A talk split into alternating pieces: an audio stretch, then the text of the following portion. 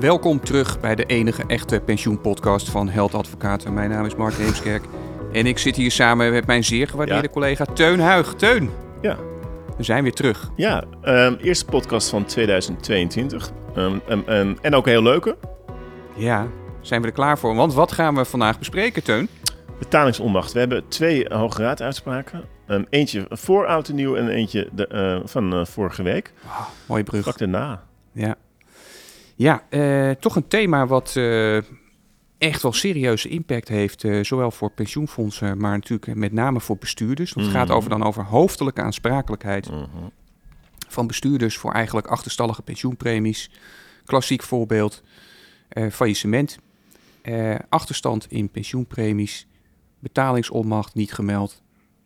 Ja, ben je dan hoofdelijk aansprakelijk als bestuurder? Ja, want ik, ik, je hebt daar een regeling voor. Ja. Overigens niet alleen voor bedrijfstak pensioenfondsen. En dan alleen als je verplicht Mhm. bent aangesloten. Mhm. eh, maar ook voor eh, de Belastingdienst. Ja.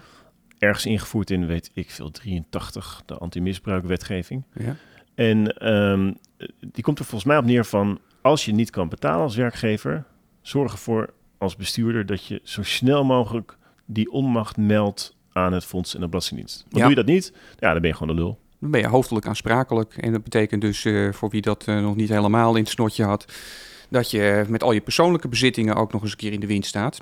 Eh, Mark. ja, De gemiddelde bestuurder bij werkingssfeerdiscussies zegt... ik wist niet eens dat, ik, dat je bestond, dat ik moest aansluiten. mhm. Zou die wel weten van die betalingsmelding? nou wat heerlijk. Wat leuk dat je dat vraagt. Het antwoord is gewoon nee. Nee. Nee, keihard nee. Dus, en daar zit natuurlijk ook het probleem. Want die regeltjes die zeggen dan eh, tot voor kort, en we gaan zo meteen vertellen wat er dan is veranderd. Mhm. Eh, die zeggen eigenlijk, eh, ja, je hebt 14 dagen en dan moet je melden Ja. bij bedrijfstakpensioen. Dus doe je Ja. dat niet, dan ben je hoofdelijk aansprakelijkheid ten, hoofdelijk aansprakelijk, tenzij, ja, en die tenzij, daar kom je niet snel aan toe, hè? Nee, dat weten we. Dat tenzij laten we lekker eventjes zitten. Gewoon ehm, zwart-wit. Je bent gewoon de klos. De klos. De pisang, de lul. Ehm, je moet gewoon... ehm, je privévermogen kan worden uitgewonnen door het fonds. En dat is lelijk. En het, maar binnen 14 dagen nadat je ehm, als, als werkgever een premie eh, verschuldigd bent... Ja. eh, kan je daar onderuit komen als bestuurder door die onmacht te melden. En dan kan je op de eh, website van de Belastingdienst een formulier vinden... zoals je dat vroeger ook handmatig deed voor je Ja, aangifte. ja, ja. Zo ziet het er ook uit. En het gaat eigenlijk helemaal nergens over. Maar je meldt dan, hé, hey, ik kan niet betalen. En eh, je moet erbij vermelden wat dan de reden daarvan is. Hè? Want dat is Ja. ook het doel daarvan. Dat dan het fonds en de Belastingdienst vroegtijdig op de hoogte raken van eh, je financiële onmacht om te betalen. En, eigenlijk, en, en wat de redenen daarvoor zijn. En eigenlijk dat ze eh, dan hun arsenaal uit de kast kunnen halen om ehm, eh, hun positie veilig te stellen. Ja, en dat natuurlijk allemaal weer vanuit, gezien vanuit het perspectief van het bedrijfstakpensioenfonds. Omdat als er geen premie is, moeten ze wel die pensioenen gaan uitkeren. Dus op zich is die regeling zelf niet, eh, niet zo gek bedacht dat daar dan het arsenaal wordt uitgerold. Nee, ik vind het ook niet gek bedacht, maar in de, hè, op deze, ook hier zie je dus dat een fonds toch een hele andere schuldeiser is dan als je een snoepje koopt bij Jamin. Ja, ik, Ja, ik toch? vraag me wel af hoe jij aan die fantastische metafoor ja, vergelijking nergens op. Maar ik bedoel maar even Maar de strekking is duidelijk. ja, als jij iets, als jij de koopprijs niet betaalt van een auto, dan is het niet zo dat de garage, de dealer, ehm, ehm, ja, jou hoofdelijk aansprakelijk kan stellen. Of gaan we door. Nee, nee zo is het. Ja. Zullen we eens vertellen wat, er, wat er ongeveer eh, aan nieuws is? Eh, want je, ja, je liet net het formulier zien, dat eh, zien de luisteraars natuurlijk niet. Maar die hebben nog even uitgeprint. En dat was eigenlijk, tot voor kort was het zo, ja, als je dat formulier niet had gebruikt, ja, dan kon je het wel shaken zo ongeveer, hè? Mm, bureaucratisch, formalistisch. Ja, en, en welke bestuurder, laten we even wel zijn, Teun, welke bestuurder wist nou van het bestaan van die formulieren? Ja. Daar heb je een eh, gespecialiseerde advocaat voor nodig die dan tijdig dus jou zegt... eh, joh, eh, eh, is de 14 dagen termijn al voor, voorbij? Want Ja. dit formulier had je anders moeten sturen. En wat, wat natuurlijk wel vaak gebeurt, is dat er wel al contact is tussen Ja. de werkgever, de onderneming en het fonds hè, van een betalingsregeling. Of ze zeggen, ja, kan niet betalen. Of er wordt getraineerd. Nou ja, allemaal dat soort dingen. Er is wel vaak contact. En de Hoge Raad uitspraak van de dag voor kerst, 24 december, ehm, die ziet hierop. Hoe strikt moet je nou die regel interpreteren dat je dit formulier, ik hou het nu omhoog, Ja, ja. van de Belastingdienst, moet hanteren? Om onder die persoonlijke aansprakelijkheid uit te komen. En de Hoge Raad die zegt, Nou, toch wat losser dan, uh, dan wat wij tot nu toe uh, altijd hadden aangenomen. Ja, Dit gaat soepel, zeg. Dus als je, als je ooit, ja, mooi zo'n 1 2 ja. uh, als, je, als het maar, het criterium wordt eigenlijk meer naar de inhoud in plaats van naar de vorm getrokken. Dus niet langer dat, dat formulier, maar het moest gewoon wel duidelijk genoeg zijn voor het mhm. bedrijfstakpensioenfonds. Die moesten weten waar ze aan toe waren. Uh, en dat betekent dus dat die, die hele strakke methode van is formulier X wel of niet ingevuld mhm. en dan, uh, ja, dan hang je aan de galg, mhm. dat die een beetje wordt losgelaten. Nou, volgens mij best wel, want die, de Hoge Raad zegt, kijk luister, als jij als fonds wetenschap hebt ja. van die financiële onmacht op een andere manier dan dat formulier, dan ben je ook buurtvrij als bestuurder. Dus als je dat kan aantonen, en in dit geval eh, lijkt de Hoge Raad dat te vinden, maar die gaat natuurlijk niets zeggen over de feiten, maar mhm. ehm, ja, dan, dan, dan, dan is het enkele feit dat je zo'n formulier niet hebt opgestuurd en ingevuld, niet maatgevend. Ehm, het kan ook dus volgen uit andere feiten, bijvoorbeeld of je vaak hebt uh, gemaild over de financiële situatie. En in dit geval was er bijvoorbeeld uh, in een periode van twee maanden dat het fonds ook boekenonderzoek kon doen. Hè? Dus mm, ja. heeft hij dat ook gedaan. Dus die, die leek wel die kennis te hebben. Het is trouwens kennis op twee onderwerpen. Eén, weet je op een andere wijze van die betalingsonmacht. En twee, ook weet je ook wat de redenen voor die onmacht zijn. Ja. ja. Vaag. Weet je wat de redenen zijn? Ik zou zeggen, ja, ik heb het geld niet. Ja, ja, maar daarvan zegt, daar, daar hebben, is toch wel weer een beetje guidance. Hè? Dus ook de, dan ga je weer de wetsgeschiedenis in. Wat de Hoge Raad natuurlijk ook uh, gedaan heeft. En de AG trouwens, misschien is het ook nog aardig om te noemen. Hè? Dit is volgens mij een beetje uit de koker van de advocaat-generaal. Ja. Uh, want tot nu toe was het zo dat wij, als wij met dit soort situaties te maken hebben, dan dachten we toch van, hoe is het formulier wel of niet ingevuld? Ja.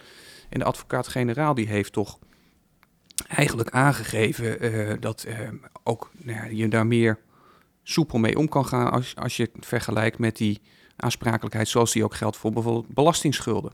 Hmm. Dus ik heb het idee dat, dat daar de doorbraak toch eigenlijk ook wel een klein beetje vandaan komt. En dat dat dus effect heeft op uh, nou, de situatie van hmm. pensioenfondsen en bestuurders die achterstallige pensioenpremies niet hebben betaald, eh, ondanks betalingsonmacht. Ja. De AG, enorme conclusie. Um, dus als je iets wil weten over betalingsonmacht, zou je daar kunnen beginnen. Um, zullen we naar de volgende Hoge Raad uitspraak? Ja, let's go. Ja, de TKW van deze is duidelijk. Het enkel wel of niet invullen van zo'n formuliertje is niet alles bepalend. Zeker niet. En dat, dat kan een, nogal een relief zijn. Of niet, afhankelijk van aan wiens kant hij staat. De Hoge Raad uitspraak van 14 januari, en dat is vrij recent, vorige week vrijdag. Ja, ja. Die gaat ook over um, artikel 23 van de wet BPF. Um, en, en, en daarin gaat het eigenlijk om de uh, vraag, uh, om de situatie van dat, dat de bestuurder zegt: Ja, ik ben misschien onder die regeling hoofdelijk aansprakelijk voor een pensioenschuld van de werkgever. Maar in deze situatie is die werkgever zelf het niet eens. Die hoeft, die hoeft niet eens die premie te betalen. Dus waarom ik dan wel? Ja, nou ja dat heeft te maken natuurlijk met de, de overgang van onderneming. Hè. Dat is natuurlijk iets mm -hmm. wat, uh, wat belangrijk is. Mm -hmm. En die regel, dan gaan we even heel losjes uh, dat formuleren. Bij een overgang van onderneming, ja. als, al verkoop je de tent, ja. dan ben je nog een jaar als uh, verkoper eigenlijk uh, aansprakelijk. en dus zei als de, onderneming, hè? Als onderneming. En dus zei de bestuurder, ja, als die onderneming niet meer verantwoordelijk is, dan ben ik ook buurtvrij. Dat is niet heel gek, want als je kijkt naar dat artikel, dan zie je daar de hoofdelijke aansprakelijkheid, waar dit allemaal over gaat mm -hmm. in de wet. Dan zie je, ja, je, dat je dus hoofdelijk aansprakelijk bent voor een schuld van de onderneming. Ja. Um, en dat je slechts kan worden aangesproken tot betaling daarvan in privé um, als die hoofdschuldenaar, de werkgever, in gebrek is. Dus de, de connectiviteit, de verbondenheid met elkaar is niet heel gek bedacht. En toch, dit was een bruggetje, en ja, toch... kijk nou, ja. ja. Uh, loopt het voor deze bestuurder niet echt heel vrolijk uh, af. Want uh, eigenlijk wordt het gewoon losgekoppeld van elkaar. Hè? Dus je kunt, als ik het uh, een beetje losjes formuleer, kun je je niet verschuilen als bestuurder achter die regels van overgang van onderneming, waardoor de onderneming zelf buurtvrij is na een jaar. Mm -hmm. uh, nee, als bestuurder blijf je wel hoofdelijk aansprakelijk voor die schulden. Ja, de, de, de Hoge Raad zegt erbij van, het is ook niet zo dat die schuld teniet is gegaan de schuld van, het, van de onderneming, de werkgever. Ja. Maar hij is overgegaan op een andere. Dus da- daar lijkt dus Raad nog wel een opening te bieden voor de andere situaties waar die wel te niet zou zijn gegaan. Wat ook logisch is, denk ik. Mm. Op zich is dit ook wel een, denk ik wel, een te accepteren uitspraak als je, anders zou je natuurlijk wel heel makkelijk onder je schuld uit kunnen komen als bestuurder door even snel een overgang van onderneming te creëren. En dan een jaartje te wachten. Een jaartje te ja, wachten. Ja, ja, ik, ja. ik las het ook als een, een soort anti-misbruik. Hè. Dus dan ga je toch kijken van, eh, krijg je anders situaties waarin inderdaad dit soort constructies worden opgetuigd om die aansprakelijkheid te niet te doen. Ja, en het is ook wel in. Ik, denk, ik, ik vind toch zelf, want ik vind de Hoge Raad uitspraak qua motivering niet altijd, niet hier op dit punt niet heel, heel sterk. Maar ik, ik zit toch te vergelijken met andere situaties waarbij uh, de hoofdschuldenaar de werkgever bijvoorbeeld uh, een verjaringsverweer met succes kan instellen. Hmm. Um, of rechtswerking of iets anders. Hè? Ja, ja. Daarvan denk ik, ja, dan, dan vind ik het ook gewoon onderbuikgevoel. Ik heb nog meer hoor. maar laten we daar even houden. Vind ik het ook, um, um, begrijp ik ook dat je daar wel zegt, dat zegt de Hoge Raad trouwens niet per se, maar dat je daar zegt van ja, da, dan ben je ook als bestuurder niet aansprakelijk. Hmm. Terwijl er hier toch echt iets anders gebeurt. Hè? Want hier, stel dat je inderdaad niet als bestuurder meer aansprakelijk bent. Ja. ja, die nieuwe bestuurder is het ook niet. En dus, dus Ja. er valt echt wat weg anders. Hey, als we die twee uitspraken nou naast elkaar leggen, hè, dan biedt, het, eh, biedt de ene uitspraak, zou je kunnen zeggen, verlichting voor eh, bestuurders. Mhm. namelijk eh, minder formalistisch. En deze is toch meer een waarschuwing van, nou ja, je, je komt er niet makkelijk mee weg door bijvoorbeeld via een overgang van onderneming en daarna een jaar te wachten te zeggen, nou dan is mijn hoofdelijke aansprakelijkheid hier misschien wel verdwenen. Ja. Is dat mooi in balans? Ja. Ja. ja. dat denk ik wel. Ja. Ja, dat denk ik wel. Dat denk ik wel. We hebben nog één uitspraak. Ja, Hof- let's go. Den Haag. Ehm, en die Hof Den Haag uitspraak, die is ook van, maar iets langer geleden van een, nou ja, hij is, hij is vrij lang, lang geleden, van 27 juli vorig jaar, maar Ja. gepubliceerd afgelopen donderdag. Ja. Gaat ook over betalingsonmacht. Ehm, we gaan gewoon één ding uitlichten. Nou, misschien nog even twee.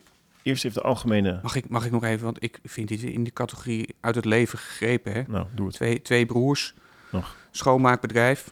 Ene broer eh, krijgt leukemie. Ja, ja. andere neemt het over, staat dan niet formeel ingeschreven. Maar Nee. je ziet die hele persoonlijke geschiedenis zie je zo Ja, langskomen. kinderen komen erbij. Ach, ach, ach, wat een, wat een gedoe. En uiteindelijk natuurlijk ellende. Ach, ach, ach. Eh, ja, wat gebeurt er dan op een gegeven moment? Enorm, ja, het gaat slecht met het bedrijf. eh, Verschrikkelijk. premieachterstanden. En op een gegeven moment komt het bedrijfstakpensioenfonds langs. Die zegt, nou, enorme schuld. Nou, dat doet de onderlinge verhoudingen ook eh, geen goed. Dat even als, eh, als meegeven van, eh, nou ja, wat is de achtergrond van deze situatie? Dan gaan we nu eh, naar de juridische Ja, betekenis, denk ik. Ja, want ehm, eerst één punt gewoon wat de Hoge Raad eerder heeft uitgemaakt, Ja. geoordeeld, is ehm, je moet dus binnen 14 dagen melden als je een factuur niet kan betalen. Ja. Nou, doe je dat? Super. Krijg je de weken na of de maand na waarschijnlijk weer een nota voor de nieuwe maand. Ja. En dat voor alle maanden daarop. Dan zegt de Hoge Raad, al eerder geoordeeld, dan hoef je niet nog een keer steeds elke maand dat formuliertje in te vullen of te melden. Ja, ja dat is de, de eigenlijk de derde uitspraak van de Hoge Raad al hierover. In één jaar, hè? Ja, Ja. en ehm, dat is natuurlijk wel zo ervan uitgaande dat er een blijvende betalingsonmacht is. Dus als je de eerste Mm, factuur gaat ja. betalen, dan is het weer heel anders. Maar als je het blijvend onbetaald laat, Ja. dan hoef je niet elke keer te melden. En wat zegt Hof hier over? Ja, dat is waar. Maar als jij dus nu een nota krijgt, je meldt het keurig binnen 14 dagen, en je krijgt over, ik noem maar wat, twee maanden een nieuwe nota, Mhm. maar die ziet op een periode voor de eerste melding, Ja. dan moet je wel opnieuw melden. Klinkt gek? Nee, dit is toch belachelijk. Ja, ik vind, ik vind het gek. Ik vind het absurd. Het slaat nergens op. Ja. Die naheffing, hè? Jawel, maar als, alsof, het, alsof, alsof het object van de tweede nota, dus waar zit hij op, ook maar iets uitmaakt voor de vraag: wist je als fonds dat die bedrijf, dat het bedrijf wel of niet kan betalen? Nee, dat heb je vorige maand gehoord. Die nota is nog steeds onbetaald gebleven. Je ziet een nieuwe nota ja. over de periode voor. Hoezo? Waarom moet je dan nog een keer melden? Dat, dat, voegt toch helemaal niks toe aan zijn wetenschap? En Teun, ik vind het altijd leuk om je tegen te spreken, maar ik ga voor de verandering vandaag het gewoon eens met je eens zijn. Yes. klinkt dat? Ik vind het fantastisch. Ik vind het nu al leuk. Dit wordt gewoon dit wordt een goed jaar voor mij. trek die lijn door. Ja, ja. Maak het een lijn en trek hem door. Nou, ik ben benieuwd of we dat vol gaan houden, hè? Ja, ik ook. hey, ehm, is dit het moment dat wij ehm, een liedje gaan inzetten? Ja, we gaan naar de leader. Dankjewel. Oké, Tot snel. hoi, hoi.